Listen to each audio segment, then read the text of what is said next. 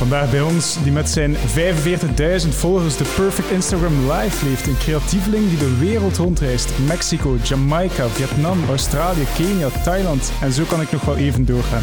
Hij won ook de Travel Award voor Beste Roadtrip. En daarbovenop is hij ook nog eens Cyber Security Specialist. Welkom, Yannick Merks. Hallo. Ja, dat is een hele boterham direct. Uh, ja, uh, als ik dat zo hoor, dan, uh, dan klinkt dat ook wel...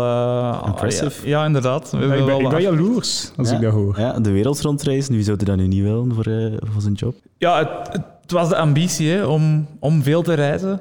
Um, en ik heb dan gezocht naar mogelijkheden en ik ben op uitgekomen dat werken en reizen de beste combinatie is om ook veel te zien.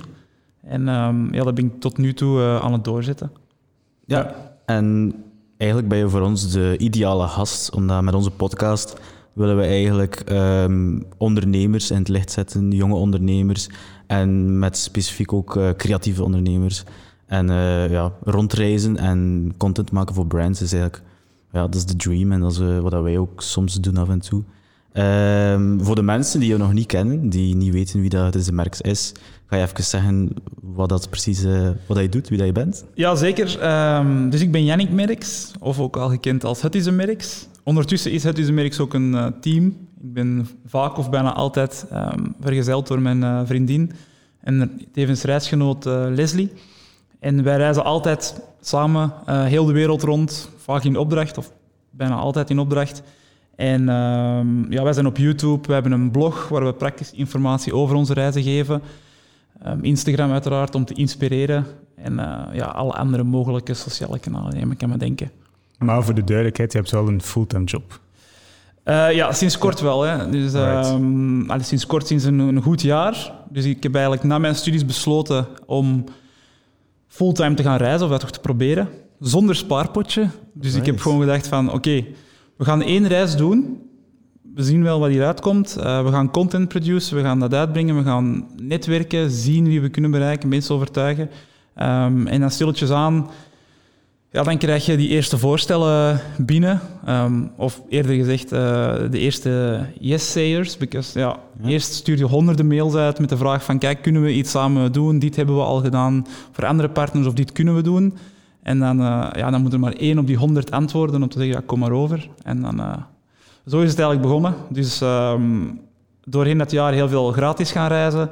Dan gaan we beseffen van, oké, we moeten hier meer gaan doen. We moeten misschien hier ook iets aan verdienen. Um, stoute schoenen aangetrokken en daar ook geld voor gaan vragen. En um, ja, dat gaan opbouwen. Alright, super cool. Maar dus als ik het zo hoor, is het ook wel een beetje. Je wist eigenlijk al op voorhand hoe dat je het parcours wil afleggen. En je hebt zelf uh, bedrijven gemaild, uh, honderden bedrijven, zoals wat je nu zegt. Maar je wist dus al ongeveer hoe dat je het aan boord wil leggen. Goh, um, ik ben begonnen als YouTuber eigenlijk. Hè. Op, uh, in mijn studeerkamer, na heel veel YouTube-video's zien, had ik zoiets van: kijk, ik kan dat zelf ook wel. Maar dat was dan eerder comedy. Dat was, ja, dat was toen het ding op YouTube. Dat was catches, hondjes en comedy-video's Ja, of ja. sketches. Was dat Ehm, voor de tijd van Vine? Of was het ook zo beetje eh? Hetzelfde moment liep Mm. zo, maar Vine in, ja, in België was dat ook niet zo Nee, dat populair. is hè. niet echt. Nee. Ehm, zelfde periode, maar zelfs ja, daarvoor. Casey Neistat was er zelfs nog niet. Dus, dus alright. Dat was al uh, de oertijd. Hij was er al wel, maar het uh, ja, dagelijks vloggen was er echt nog niet. Alright. Um, dus ik wist ook niet... Allee, dagelijks vloggen voor mij... Ik had toen al een paar dagelijkse vlogs gezien en dat was echt gewoon een dude of een girl die, die een video van een half uur had geüpload en zei van ik ben nu cornflakes aan het eten, ik ga nu met een hond uitlaten. En dan zo dacht van my god, wie ziet deze? Mhm. Ja, ja. Um, dus ik deed dan sketches. Dat was vaak heel hyped, heel uh, harde cuts. Ook heel experimenteel, want ik kende eigenlijk helemaal niet zoveel van video. Um, en dan ontdekte ik eigenlijk na een, een tweetal jaar dat ik mijn uh, sketches eigenlijk helemaal niet meer zo grappig vond die online stonden. um, en dan ben ik me meer gaan focussen op een niche. Uh, dat is een reizen geworden. Ik heb ook ontdekt dat de um, teamwork, dus samen video's opnemen met vrienden, wel echt leuk was. Um, en dan zo meer en meer gaan ontwikkelen. Uh, ook multiplatform gaan. Dan ook in, initieel met een blog eigenlijk. Dat was eigenlijk ook een soort behind the scenes. Dus dan ging ik daar uitleggen hoe dat ik mijn sketches had opgenomen met wat foto's. Ik vond het wel leuk om toe te lichten, want uiteindelijk... Okay, toen, eh, voor die paar views, dat, dat, dat, was heel veel werk. Dus ik wou dat ook zoveel mogelijk toelichten. Van kijk, ik er echt al mijn tijd in. Uh, maar dan meer en meer op die niche gaan focussen. Um, gaan reizen, totdat ik dan op een gegeven moment eh, ja, op het einde van mijn studies kwam, verantwoordelijkheid moest gaan nemen, gaan werken. Hè. Uh, maar toch zoiets had van... Hmm. En dan uh, ja, gaan experimenteren met, uh, met reisvlogs. toen was Casey Neistat er al wel, Ja. andere vloggers ook. Daar ook meer gaan kijken van wat doen die juist. En toen was ik erop uitgekomen dat eigenlijk in België er geen enkel Nederlandstalige reisvlogger was. En ik dacht, oké, I'm, uh, I'm taking that spot. En um, ja, zo geschieden zeker. Nice. Ja, maar je bent volledig zelf geschoold dan ook, eh, in video. Um, Heb je iets van opleiding gedaan? Nee, totaal niet. Dus echt Ja, cool. YouTube Bro noem ik dat, hè? Ja, de cool. YouTube School. Ja. En uh, ja, ik, ik, allee, dat is echt een ontwikkeling ook met mijn monteerstijl. Van, van in het begin is ook niet meer hetzelfde, maar je gaat bepaalde uitdagingen aan. Je zoekt ook wel je grenzen op. Ik, ik weet bijvoorbeeld van mezelf, ik vind dat enorm chic om, om, om uh, heel veel visual effects te hebben en fancy transities. Um, maar dat is niet aan mij besteed. Ik, kan op een, ik heb een bepaald niveau van tijd dat ik eraan kan spenderen. Ja, ja. En dan, uh, dan ga ik liever voor de, voor de quantity als de, quality. Dat is een keuze dat je moet maken. Tuurlijk. Uh, je experimenteert er wat in. Je leert daar ook veel uit. En dan ga je gewoon, uh, gewoon verder. Maar dus op dat anderhalf jaar, op, toen ik begon met... Um, allez, mijn studies waren afgerond. Ik had reisvlogs gedaan. Ik wist, oké, okay, deze kan het worden. En dan ben ik eigenlijk uh, hotels gaan mailen. Gewoon, ik had gezegd, oké, okay, als ik gewoon uh, de vlucht kan, de vlucht kan ik nog wel betalen, maar we gaan gewoon eens kijken of dat we het verblijf kunnen regelen. Ja. En dan uh, de periode op booking.com gaan opzoeken. Uh, terwijl we er waren, kijken welke hotels er beschikbaar waren. Dan hadden we ontdekt, oké, okay, vier sterrenhotels, die hebben daar de interesse of het budget voor. En dan gewoon honderden mails uitgestuurd. En, en echt dan, goede mails van, kijk, uh, ik ben dit, ik kan video's maken. Ja. Uh, als wij mogen in uw hotel verblijven, dan maken we voor u een video. Ik ga, je, ik ga, je, ik ga je een klein geheimje vertellen. Alright. Um, dus we hadden al reisvlogs, dus dat hadden we al, hè, van, Okay. onze eigen, van onze eigen reizen. Maar qua blogs, laat ons zeggen, hm, dat was nog niet helemaal uh, hoe dat moest. Plus, ik besefte vrij snel dat mijn reisvlogs misschien niet hetgene waren waar hotels naar op zoek waren. Um, dat was ook Zo. nog het moment dat video nog niet hyped was, like dat nu is waarschijnlijk. Ja, voilà. Ik, ik had de indruk dat hotels echt op zoek waren naar content dat ze zelf konden gebruiken op hun socials. Um, en dan uh, ben ik eigenlijk een, een video gaan fabriceren met vlogbeelden van, dat, van een bepaald hotel online. Dat ik wist, ah, er zijn wel vloggers geweest. Daar gewoon een eigen clip van gemaakt. en dan zo ja, in bepaalde neutrale settings mezelf gefilmd. Doen alsof ik dat in dat hotel was. Daar een mooi artikeltje rondgeschreven. Uh, met dan een, soort van ja, fake vlog, zal ik zeggen. Mm. En dat opgestuurd als voorbeeld van, kijk, dat kunnen we. We zouden dat effectief ook wel gekund hebben, maar ja. in dit geval was dat dus geen ja. allez, echt artikel. Alle. Maar dat heeft wel gewerkt, hè. dus uh, er was echt interesse voor. En dan zijn we uh, met die mindset en met dat format ook uh, naar die hotels gegaan. En die hebben dan ja gezegd. En zo zijn we dan eigenlijk ja, um, ja, gratis kunnen overnachten overal. Ook veel uit geleerd, hè, want um, je overnacht dan ergens, maar die verwachten wel bepaalde dingen. En op een duur zat je dan bijvoorbeeld in, goh, in, in, in Chiang Mai, in Thailand... Maar ja, je moest wel drie dagen liggen filmen in dat hotel voor er gratis te blijven. En dan ook gedacht, oké, okay, wat kunnen we hier geven, wat kunnen we hier nemen? Mm. En um, ja, zo is dat eigenlijk blijven, blijven groeien. Ja. ja, het begin is het moeilijkste. Hè. De eerste klant ja, is, is het moeilijkste. Een keer dat je portfolio wat kunt opbouwen. Ja, maar in het begin, als je vanaf nul start, heb je nog geen portfolio om door te sturen. Ja. Wij hebben dat ook meegemaakt in het begin van onze video agency. En je kan geen klanten of geen bedrijven overtuigen als je, als je niks kan tonen. Dus je moet eigenlijk zelf je, je opportuniteiten creëren en je eigen portfolio samenstellen met de kleine dingen dat je al hebt. En, ja, en voor niets werken. We herkennen ons daar eigenlijk super hard in, je verhaal. Ja, voor, echt voor niets. Ja, voor, voor niets, gratis werken. dingen doen, puur ja. voor het portfolio ja. op te bouwen. Ja. En dat is echt de beste les, denk ik, ook qua contacten, want dat is dan ook wel zoiets dat we dan ook hebben geleerd van, kijk, oké, okay, we hebben dan liggen zwoegen voor die x aantal dagen in dat hotel, voor een videootje, en dan ook bijvoorbeeld een testimonial gaan vragen aan die manager. Dat was dan een manager van een grote keten, en dan ook gewoon die naam van die keten en gezegd van kijk, general manager zegt dit over ons, zoals referentie. Um, dat helpt ook en dat zorgt ook echt voor uh, credibiliteit. Dus dat is ook zeker een aanrader dat ik kan geven aan beginnende videografen. Vraag uh, referenties, vraag of dat je ze mocht gebruiken um, en dat kan alleen maar helpen.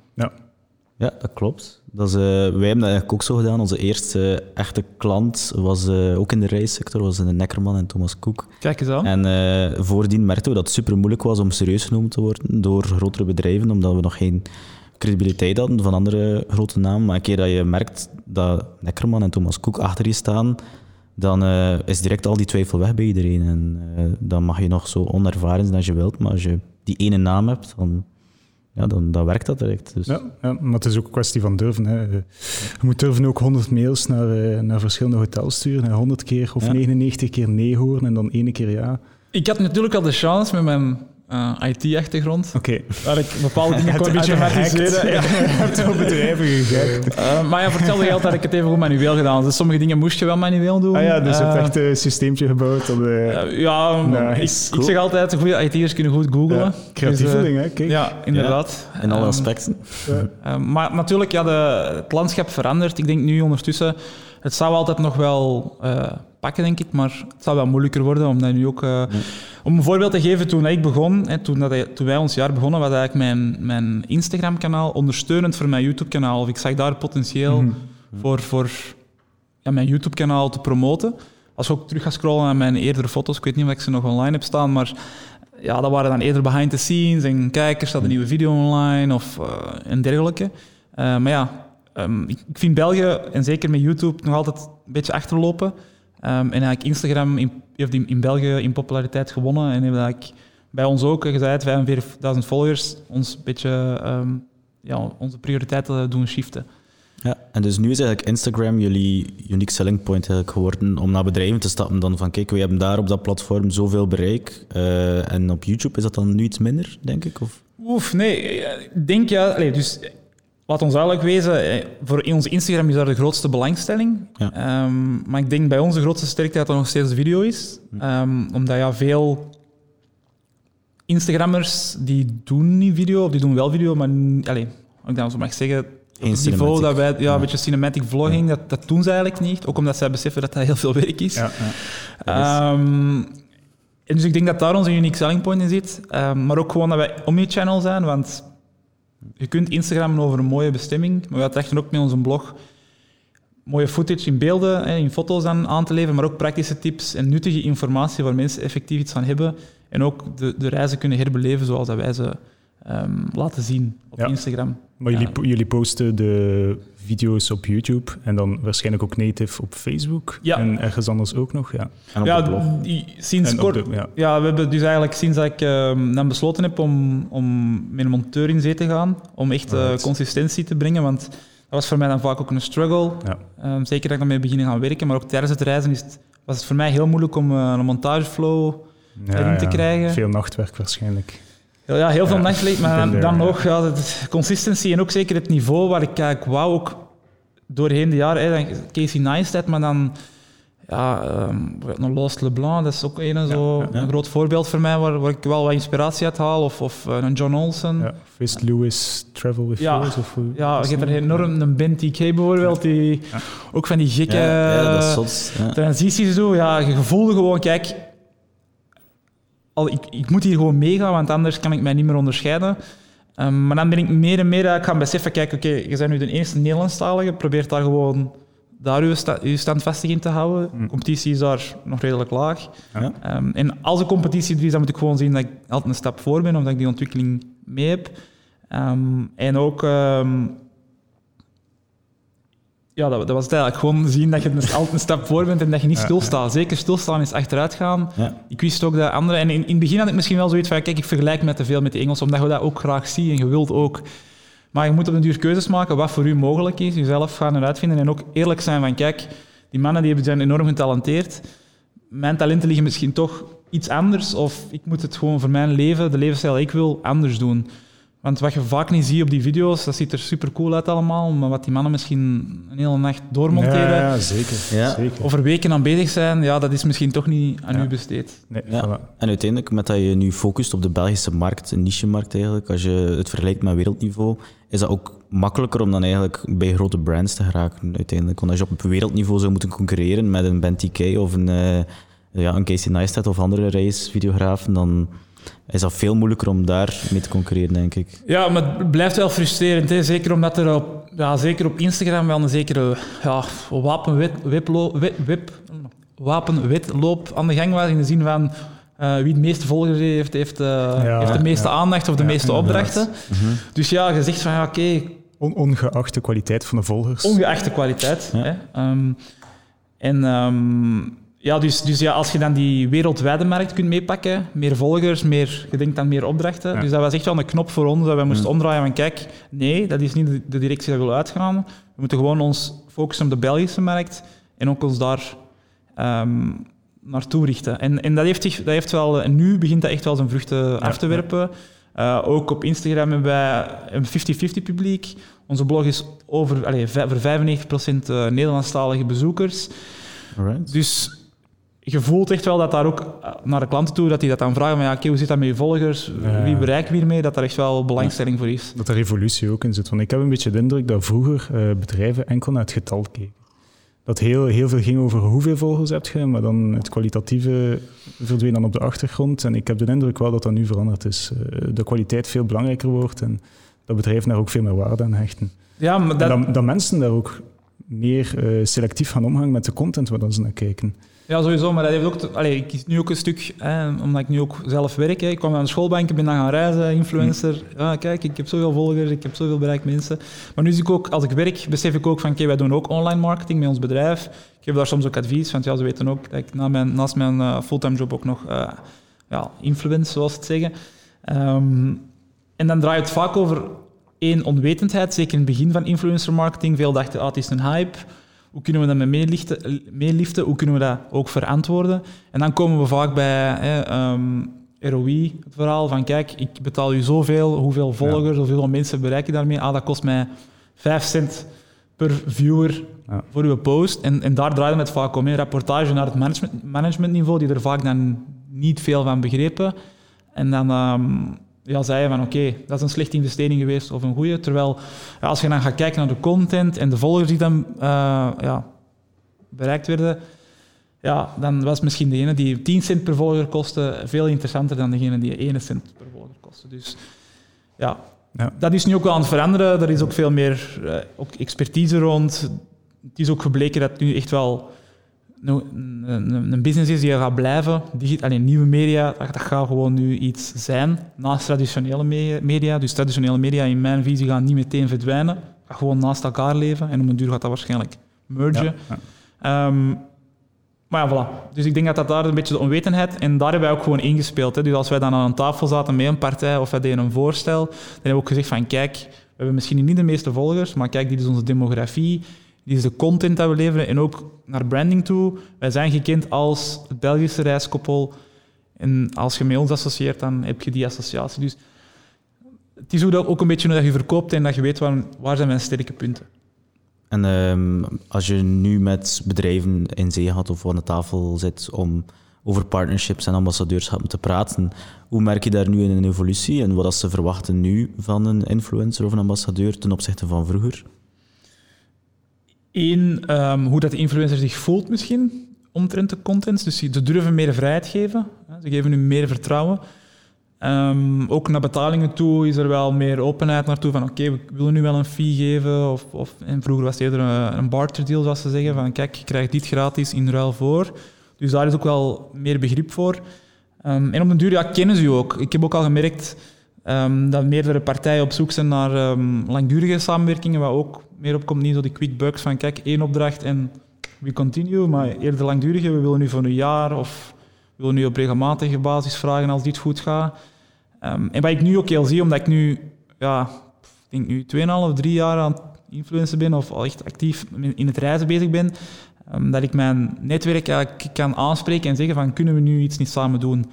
Wat voor mij in het begin ook heel moeilijk was. Hè. Je moet je voorstellen, je hebt x aantal volgers. Het is heel moeilijk om dan te zeggen, hey, partij X, laten we samenwerken, laten we wat Instagram-postjes doen voor dit product. En dan gaan die ook zeggen, ja, uh, als we een campagne hebben, dan komen we wel bij u aankloppen en dan zullen we hem zien omdat we u selecteren, et cetera.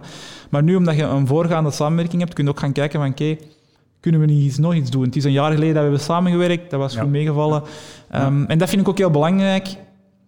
Als je, zeker als je ook... Allez, wees responsief en, en zorg dat je uw samenwerking van het begin tot het einde, en dat is vaak belangrijk, het einde goed. Hè. Wat wij ook hebben gedaan, is wanneer we een samenwerking hadden, um, een klein powerpointje samengesteld van kijk, dit zijn de foto's dat we hebben getrokken, dit waren een paar reacties dat we in onze DM hebben gehad, um, dit waren de resultaten. Gewoon dat je toont van kijk, we zijn nu dankbaar dat je met ons samenwerkt, maar dit is ook wat je ervoor terugkrijgt. En, en dat wordt geapprecieerd. Ja, Ja. ik denk dat wij daar goed kunnen tot relaten. Uiteindelijk bij ons is dat een beetje hetzelfde verhaal, dat we in het begin veel opdrachten deden en dat dat ook eh, veel eenmalig was. Maar nu gewoon omdat wij al meer ervaring hebben en een groot portfolio, kunnen wij ook naar klanten gaan en zeggen van kijk, wij zouden graag mee aan tafel zitten voor met een creatief idee te komen. En Eh, uiteindelijk, brands appreciëren dat ook. Dat je Voilà, zelf voilà. naar hun toestapt met een idee. Ehm, vaak zitten zij op een heel andere, in een heel andere leefwereld als ons. Ehm, en, en komen wij met veel jeugdiger ideeën die dan veel beter zijn voor jongere mensen. En ja, ik denk dat veel brands echt schreeuwen om, om, om, om mensen naar hun toe te trekken die met eigen ideeën afkomen. En ja, dat maakt wel het verschil, denk ik. Ja, zeker. Ja. Ja, inder- ja, inderdaad, ik kan er alleen maar bij, aansluiten. Ehm, misschien dat ik er nog aan kan toevoegen is ehm, ja, de, de vrijheid, de gedurfdheid. Ik heb nu onlangs ook nog een workshop gegeven ehm, over vloggen aan ehm, reisbureaus die eh, incentive reizen organiseren, die dat is ook B, allee, B2B die die werken. En die ondervinden nu ook het nut van, van vloggen. En daar hoorde ik het ook van, kijk... eh, ik heb vandaag gezegd tegen mijn zoon dat ik naar een vloggingscursus ga en die wou wel mee. En, en, en ook dan tijdens die workshop, hè, je moet je voorstellen, zo'n zo'n zo'n talk, dat is anderhalf uur luisteren, in een stoeltje zitten. En ik had persoonlijk heel veel schrik dat, dat, dat er misschien een tipje ging zijn, of dat ze zoiets hebben van, ja, moeten we nu zelf echt gaan vloggen? Ja. Want dat is uiteindelijk toch ook uit hun comfortzone. Um, maar eigenlijk is daar een heel groot enthousiasme rond en mensen, ook echt, ik zeg het, oude mensen, waar ik dacht van, nou, Goed, die zie ik het niet doen. Hup, die camera vast. Uh, Ja, ja, ja. hey, we zijn nu hier, we zijn nu daar. Kunt u dit doen, dat doen? En, en echt on, allee, begrepen van, kijk, dit is de toekomst, dit moeten we doen. En we vinden dat fantastisch dat, dat we ook jonge gasten zoals, zoals u dan, naar mij toe, um, naar een business en daar de nood van de, van de industrie hebben gevonden um, en daar iets hebben uitgebouwd. Dus we willen daar gewoon mee mee en daar ook gewoon voor openstaan. Maar ik denk natuurlijk dat er nog wel een stukje um, adulting moet gebeuren in die industrie, zeker met social. Um, een, heel, een heel concreet voorbeeld, ik denk dan zeker B2B. Hè. Er is heel veel B2C informatie te vinden. Hè. Zoveel keer posten op Instagram, leuke, leuke posts. Maar ik denk, de, de, vraag, die ik heel vaak kreeg toen, tijdens dat event, is van ja, kijk, hoe bereik ik de decision makers? Hoe bereik ik de mensen die B2B beslissen om met ons, in ieder geval dan, een reis te boeken en, en daarop in te gaan. En dat vind ik nog een heel interessant raadsel, want daar is het niet zo eenvoudig om een leuke uh, Instagram-post te, te, plaatsen. Nee, daar heb je, ja, denk ik, een heel traject voor nodig. Ook hoe dat je die benadert, een, een, heel doelgerichte content voor nodig. Ja, en, en, dat vind ik een heel, nog een heel interessant probleem. En dat is voor mij ook heel interessant. Um, omdat, ik moet het jullie niet vertellen, jullie werken ook B2B, ja, denk ik. Um, hoe, hoe, hoe breng ik als content creator uh, value en zorg ik dat zij wel die decision makers kunnen bereiken? Hoe kan ik daar input voor geven? En dat, dat is nu bijvoorbeeld een probleem waar ik persoonlijk nu mee zit. Misschien kunnen jullie daar mij uh, iets aan toelichten, want ik weet dat jij uh, heel veel eh, thought leadership brengt. Dat is ook iets wat ik aan, aan, Ja. aan de persoon in kwestie had aangehaald. Van kijk, misschien moet je dat doen.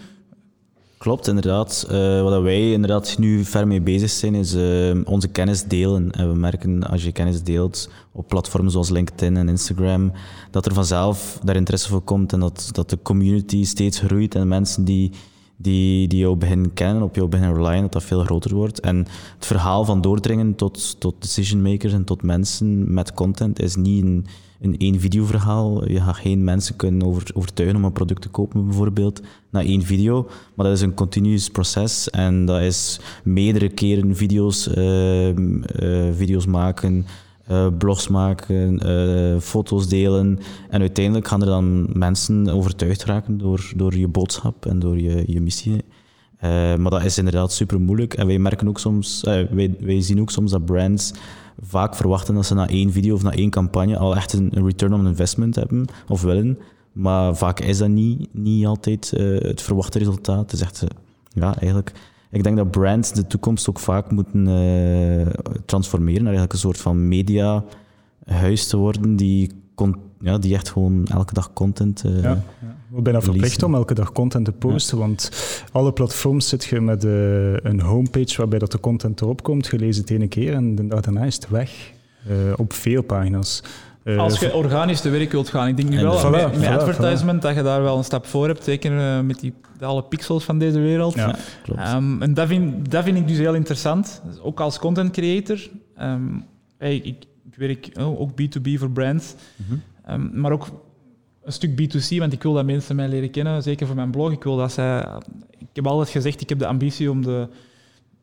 Dat is dan even de bloggingwereld, maar de bloggingwereld in België wordt fel gedomineerd door Nederlandstalige blogs of, eh, van Nederland. Allee, eh, dus de, de, de, de Belgische blogwereld Ja. wordt fel gedomineerd door eh, Nederlandse blogs, Ja. dus van Nederland. En ehm, ik zou eigenlijk graag daar een beetje weer werk aan willen bieden. ja. Mhm. Maar dat wil het ook zeggen dat ik dus echt ja, mensen wil bewust maken van kijk, ik inspireer niet alleen, maar ook ik breng nuttige informatie. Hè. Ik breng praktische informatie waar je iets mee zei. En dan komen ads ook een stuk op zijn plek. Hè, van kijk, als ze mijn website bezoeken, probeer ik die ook eh, aan te trekken tot mijn andere pagina's, zien dat ze daar ook eh, een beetje in de loop blijven. Ja. Eh, en, en, en dat vind ik dan heel interessant, ook voor Ja. B2B, want die hebben daar het geld ook voor om zo'n dingen te gaan doen. Ja. En ook dan om, ja, ik zie altijd het traject van, van, van een consumer of van een decision maker als een soort van trechter, in de zin van je vist eerst zo wijd mogelijk als je kunt, en dan gaat eigenlijk die proberen kneden en dan gaan mensen afvallen en zeggen van kijk, wat is dat? Ehm, maar uiteindelijk komen we uit tot een x-aantal eh, conversies. Ja, de sales, sales funnel eigenlijk. Hè? Ja, Ja, Inderdaad. de marketing. En ja. dat is ook exact wat we nu, nu mee bezig zijn, ook met die podcast. Er zijn heel veel mensen die enkel maar op Instagram zitten, enkel maar op Facebook, enkel maar op, op TikTok, dan bijvoorbeeld veel jonge mensen. En er is ook een, een heel selectief publiek die naar podcasts luistert. En wij hopen nu andere mensen aan te spreken met de podcast en dat we bijvoorbeeld op Instagram of TikTok zouden Ja, aanspreken. En door eigenlijk op alle mogelijke platforms te zitten, eh, spreek je dan heel veel mensen aan. En uiteindelijk gaan er mensen overblijven die echt geïnteresseerd zijn in de content en die kun je dan inderdaad aanspreken. eh. Ja, ik vind het persoonlijk eh, heel interessant, heel die podcastwereld. Ja, Want ik moet zeggen, op zich, post- podcast, dat bestaat al enige tijd. super lang. Ja. Ja, zeker. Maar Ja, nu begint dat toch zo Ja. een momentum te nemen, die space. In België, in België. Ja. In Amerika is het, eh, heeft het al zijn top bereikt. Het is echt al super hyped. Er, er zijn honderdduizenden podcasts in Amerika, maar in België lopen we nog wel achter. Maar Bel- dat zie je ook bij vloggen. Hè. Ehm, vloggen in Amerika is helemaal verleden tijd. Als je kijkt naar Casey Neistat, die is vier jaar geleden begonnen, een jaar geleden helemaal gestopt ook. Ehm, en nu pas in België is vloggen een nieuw begrip. Terwijl dat, dat al vijf jaar aan de gang is. Tussen haakjes, want als ik dan merk, dan een Facebook-video doe... Allee, als ik dan, want voor mij vloggen, dat is YouTube eigenlijk. Ja, ik leg direct de link. Maar ik vind momenteel nu, we zijn nu 2020, februari... mm, YouTube is nog altijd niet... op- Nee, nee, nee. Tenzij dat het van tv komt. Hè. Dus mensen die van tv, van Temptation Island of Ja. What the Fuck is ook een heel groot Ja, ja, voorbeeld. klopt. of of, of eh, De Vijver. Hm. Ehm, die mensen ja, die, die hebben een platform gekregen via traditionele media en die kunnen dat voorzetten. Maar voor mij persoonlijk vind ik het nog steeds moeilijk, en dat zie je ook aan mijn views, ik vind het steeds moeilijk om mensen te bereiken op een, eh, ik noem het niet sensationele manier, dus gewoon puur value-based. Ja, ja, ja. Daarmee dat ik ook echt overtuigd ben, en dat is ook de visie nu van het is merks voor de toekomst, om echt value-based en eigenlijk te gaan op, op noodzaak te gaan werken. Dus als mensen op zoek zijn naar een bestemming over bepaalde inspiratie, dat zij dan onze video's te zien krijgen door te zoeken, maar niet per se doordat zij geabonneerd zijn. Nee, ja. Mensen die meer dan eh, YouTube gebruiken als een, eh, de nieuwe Google. Als een zoekmachine. Als een zoekmachine. Dat is ook de kracht van YouTube, Voilà. de zoekmachine. En eh, elk platform heeft ook zijn eigen kracht. Ik denk dat dat met, met Instagram ook iets helemaal anders is. Met Instagram is dat ook puur fotografie en puur ja, visueel. En dan YouTube is echt een searchmachine. En je video blijft daar jaren op circuleren. Voilà. En je moet er niks echt meer aan doen. En mensen vinden jou vanzelf. Ja, je raakt ook in een loop. hè. Als ze dan één videootje van mij zien, dan Voilà, krijgen ze voilà. toch iets Ja, recommended eh, daarna nog van mij. Dus zo hoop ik het te bereiken. En voor sommige, allez, voor sommige partijen heeft dat echt wel opgebracht. hè. Bijvoorbeeld, eh, ja, de Canoe Trip is een, eh, van Route Soleil of Travelbase is dat nu. Dat is een eh, video dat ik drie jaar geleden heb opgenomen. Dat is nog altijd een van mijn betere bekeken video's, gewoon omdat telkens, ja, ieder, ieder jaar maken zij ook promo voor die trip. Gaan mensen opzoeken van wat is die trip juist, dat is een nieuw concept, wat kunnen we ermee doen? En tot op de dag van vandaag krijg ik nog steeds berichtjes van mensen, ah, ik, heb die, ik ga die een trip doen omwille van uw video, van uw vlog dat ik heb gezien. En dat vind ik heel mooi, want dat wil zeggen dat je duurzame content hebt gecreëerd en Ja. dat is eigenlijk wat je wilt in een tijd zoals van vandaag, waar alles heel vluchtig is en waar je zegt van kijk, ik, we moeten veel produceren, want er is heel veel concurrentie op de feed. Dat vind ik juist de kracht van duurzame YouTube, content ja. en inspelen op de nood van mensen. En dan niet per se En daar is reizen heel dankbaar voor. Niet per se op een hype, hè, maar echt op iets dat langer van eh, toepassing is. En merk je bijvoorbeeld dat zo duurzame content dat dat makkelijker is via YouTube dan via Instagram bijvoorbeeld? Want via Instagram is dat vaak één keer dat dat op mensen een feed komt of in de verhaal en in de stories. En daarna is dat verdwenen. Daarna is, is, dat, is daar bijna geen mens meer die dat ziet. Ja, wel, ja, ik heb sowieso één keer, dus ik zal zeggen, Afrika bijvoorbeeld is minder populair op Instagram, of algemeen qua reizen, uh, qua tags dan, en bepaalde resorts en dergelijke. Dus ik krijg zo bijvoorbeeld voor resorts in Afrika, dan krijg ik van, ah, welk resort was dat dan? En dan, omdat dat dan, dat staat dan bijvoorbeeld Kenia, maar ze weten niet waar dat, dat is. Uh, dan krijg ik daar wel vragen over. Maar inderdaad, Instagram is niet echt duurzaam. Hoe proberen wij daar dan nog een spin aan te geven? Is dan bijvoorbeeld door Instagram te integreren in onze blogartikels, die dan wel weer uh, duurzamer zijn. Ja. Alright. Ja, dat is weer hetzelfde verhaal, dat YouTube meer als een zoekmachine wordt gebruikt en Instagram totaal niet. Ik, ik heb, denk dat ik nog nooit op Instagram iets opgezocht. Uh, laat staan hashtags heb gebruikt. Voor te reizen wordt dat nu wel meer en meer gedaan. Hè. Als ik naar een locatie ga, bijvoorbeeld in de Dolomieten, dan, dan zoek ik hashtag Dolomieten of hashtag, uh, andere, allez, hashtag Dolomieten. En dan vind ik daar superveel mooie Instagram-foto's. En dan ga ik specifiek die Instagram-foto's gaan zoeken om te gaan reizen. Akkoord, maar dan vind ik bijvoorbeeld Pinterest daar nog wel krachtiger in. Ja. Uh, als ik moet kiezen tussen...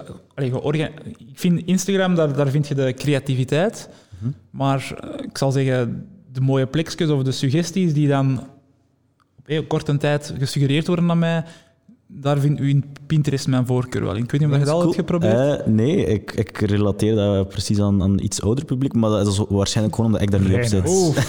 of meer, meer vrouwelijke... Ja, we zijn een van ons viewers kwijt. ik zou nee, u... luisteren. Ja, ik ben er niet mee, niet mee gewend. Ik zou u gewoon al eens aanraden om... Uh, we zitten hier in een, uh, in een vrij high-end uh, setup, om daar gewoon al eens naar camera's te zoeken. Dan gaat er versteld staan van studio's wat je daar vindt, cool. en podcastmateriaal en suggesties. En, en voor reizen hebben we daar ook bijvoorbeeld heel veel van die uh, gidsjes. Hè, dus zo uh, One Day Eternity for Rome of, of Two Days in Budapest. En dan stap voor stap alles uitgeschreven, wat te bezoeken, wat de openingsuren zijn, wat het kost. En ook voor Instagram, ja, hetzelfde. Wat wij dan klassiek doen bijvoorbeeld, is op bestemming X en dan Instagram hotspots. En dan vinden allemaal van die Instagram guides waar dan alles... Ja, op Pinterest. Uh, ja, en dan klikt, maar dus hoe Pinterest werkt, is dus dat weet, die tonen eigenlijk een foto. Maar als je dan doorklikt, dan kom je eigenlijk op de blog of de Instagram-post van die persoon in kwestie. Right. Ja, ik zou het alleen maar eens ja, aanraden. Ik ben, ook echt cool. totaal Ja, nee, dat, dat is een uh, platform dat ik echt nog niet mee bekend ben al sinds. Dus. Misschien ook nog een uh, platform om uh, uit te breiden. Wij halen daar echt wel veel, Serieus? Wow. veel traffic mee uit. Ja. Het is nu op een moment waar wij zeggen van kijk, um, we moeten daar gewoon meer op inzetten. Om, omdat het zo snel gaat. Het is ook enorm passief. Hè, dus het is ook een search engine. Maar om je een, een idee te geven, um, we zijn twee maanden begonnen, dus in het begin van 2020, goede voornemen, begonnen met onze Pinterest-strategie. En nu halen we maandelijks uh, 60.000 tot 70.000 impressies Alright. door niks toe te voegen. Ik heb twee maanden niks gepost. Ja, ik heb gewoon in januari iets toegevoegd. En dat, dat zet zich organisch door, want ja, iedere week zoeken mensen wel naar ja. die informatie. Dus um, ik zou Super zeggen, um, interessant. bekijk het eens. Ja, gaan we zeker eens Ja, ideaal, damn. Dat wist ik niet, dat Pinterest zo Nee. organisch eh, succesvol was. En, en merk je dat bedrijven daar op springen? Vragen ze daarnaar eh, met samenwerking? Mm, wederom in België. Um, voor reizen gebeurt dat wel dat ze vragen van kijk, zit je op Pinterest? En in, in mijn instantie, kijk, en dat is vaak ook een, een heel misconceptie. Misschien kan ik daar nog wel een tip in geven.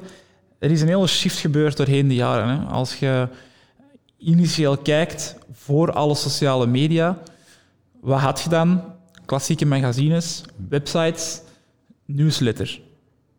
Marketeers zijn dan die newsletter gaan, gaan, gaan misbruiken bijna. Hè, hun, hun mails gaan onderbombarderen. Er was nog geen sprake van GDPR, van uh, unsubscribe button of zo. Dat moest allemaal niet. Het was uh, YOLO. Kon databases met e-mailadressen opkopen. Hup, iedereen een mail sturen. Dat mocht allemaal. Dan is er een, een Facebook gekomen, YouTube, Instagram, waar, dan, waar dat je dan ook mensen kon bereiken op een heel organische manier. Je kon zelfs je, je, bereik uh, expanden, want mensen, nieuwe mensen ontdekten je, je content. Maar dan kwamen we ook in een periode van instant gratification. En dat is iets wat ik nu heel fel zie. En, en dat is ook de fout dat wij misschien in het begin wel hebben gemaakt. Is dat we platformen waar dat we geen instant gratification hadden, iets beschouwden als pff, achterhaald. Mhm. En dat was ook een gevoel bij mij, zeker in het begin. Ik schreef dan mijn blogartikels en dat was dan zo van, ja oké, ik zet dat online, ik deel dat op Facebook en Instagram. Ah, ju, 50 mensen hebben geklikt. Oké, ja, dat was het dan. Maar eigenlijk, als ik dat nu zie, zie ik dan bijvoorbeeld dat artikel 10.000 of 15.000 keer is gelezen, doordat dat gewoon online blijft. En dat is juist de kracht van een blog, wat vaak mensen vergeten, omdat ze zeggen, van, kijk, ja, dat heeft 50 mensen geklikt en dat was het dan. En ik denk zeker dat het heel belangrijk is om, om, goed, te bereiken, om, om goed te begrijpen waar ieder platform voor staat en wat de kracht ervoor is en wat je zelf wilt bereiken. Als jij een evenement organiseert, dan zou ik ook zeggen van kijk, go all in. Zorg dat er zoveel mensen op korte termijn weten over je event, zodanig dat ze gaan. Zeg dan van kijk, ik wil een bepaald product dat voor langere termijn op de markt is. Ja, dan kun je echt gaan spelen met verschillende platformen. En dan vind ik bijvoorbeeld een newsletter. Ik weet niet of ik het graag ga horen of niet, maar ik vind het momenteel een van de meest underrated ehm, mediums die er is.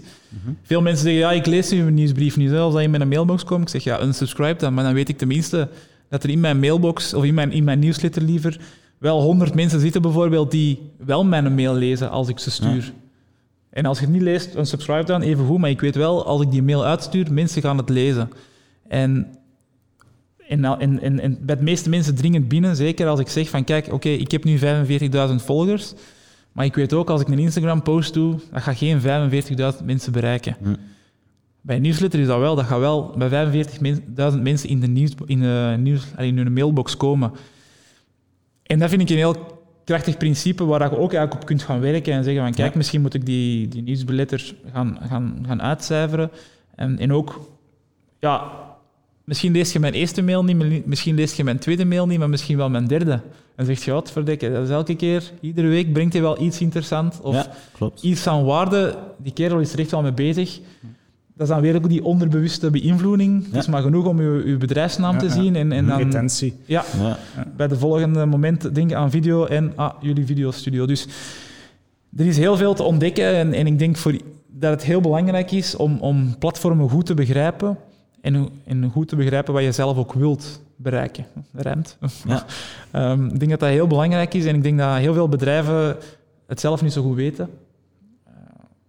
Ja, voilà. Dat wou ik toch even klopt, zeggen. Dat, dat, dat, ja. Als ik dan ehm, kort kan samenvatten wat je nu allemaal gezegd hebt, is het eigenlijk ook super interessant om, om platformen en de kracht van platform te gaan combineren. Want jou, eh, via YouTube en via Instagram post je dan, eh, zet je dat op je blog en uiteindelijk gaan die de, elk uniek eh, voordeel van elk platform gaat dan samenwerken en nog voor extra, extra, kracht zorgen. En dat is super interessant om, om dat te horen, dat, dat, dat je daar zo hard mee bezig bent en dat je eigenlijk met zoveel verschillende platformen bezig bent, zoals nieuwsbrieven, eh, Pinterest, Instagram, Facebook, YouTube. En, en dat, is, dat is eigenlijk de realiteit waarin we nu vandaag zitten, dat je met zoveel zaken moet bezig zijn. Dat is ook de manier waarop je je kan onderscheiden. Hè. Iemand kan een enorm groot YouTube-kanaal hebben, een enorm grote Instagram, maar ik kan wel zeggen van kijk, ik kan nu een, heel, een geheel pakket eh, aanbieden en dat is enorm sexy. Eh, de omni-channel approach, zou ik Ja, zeggen. inderdaad. Ja. Dus eh, ja, dat is ook iets echt waar ik ook, ook eh, hey, hoeveel keer dat ik dat heb gehoord van ja, het algoritme zit me niet mee Ja, ja, en het Ja. zit tegen. En dan heb ik zoiets van oké, maar ja, probeer het controle te hebben waar het kan. Ja. En dat is dan bijvoorbeeld door nog eens een blogartikel. eh, Jij kan controle hebben over te analyseren wat mensen nodig hebben. Dat, dat kan je perfect. Allee, die informatie kan je perfect inwinnen. En je kan ook controleren dat je er kan op inspelen. Dus speel er dan op in, bekijk analyse, eh, werk dan meer op je newsletter. Zorg dat je vindbaar bent en, en breng andere content. En dan vaak, doordat je dan andere dingen doet, dan ga je toch jezelf onderscheiden. En dan, wie weet, toch de aandacht terugwinnen van die ene volger die je misschien niet meer volgde. Alright, maar eh, merci Yannick om, om hier te komen naar de studio. Ik denk dat super interessant, eh, interessante content dat je allemaal gezegd hebt. Echt Ja, zeker, zeker. Mensen mogen mij ook altijd ai, sturen. Eh, ik ben te vinden op uh, @hetisemerks of uh, op de website hetisemerks.be kunnen ze mij altijd een mailtje shooten. Um, alle vragen zijn welkom. Ik help heel graag. En ik vind het ook heel leuk om achteraf ook berichtjes te krijgen van kijk, we hebben dat gedaan dankzij u of bedankt voor het advies. En mensen ook zien te groeien. Want ook een heel belangrijk aspect, denk ik, is, is community voor een stuk. En, en mensen helpen zien groeien. Daar haalde ook Ja. enorm veel waarde uit. En zeker hoe langer dat je er ook in zit. En daarom was ik ook heel blij dat jullie mij gevraagd hebben. Gewoon ehm, nieuwe mensen leren kennen, nieuwe mensen bereiken en, en gewoon meegroeien met die mensen. Dat is heel leuk. Ja, het is Cool, dat. super. Ja, dat is ook de reden dat we die podcast ook deels eh, gemaakt hebben, om mensen te helpen en eh, ja, informatie te verschaffen. Dus nog een keer, merci voor alles, eh Yannick. Merci voor het super interessante gesprek. En eh, mensen die Yannick willen verder volgen, gaan naar zijn social media kanalen. En eh, tot de volgende episode.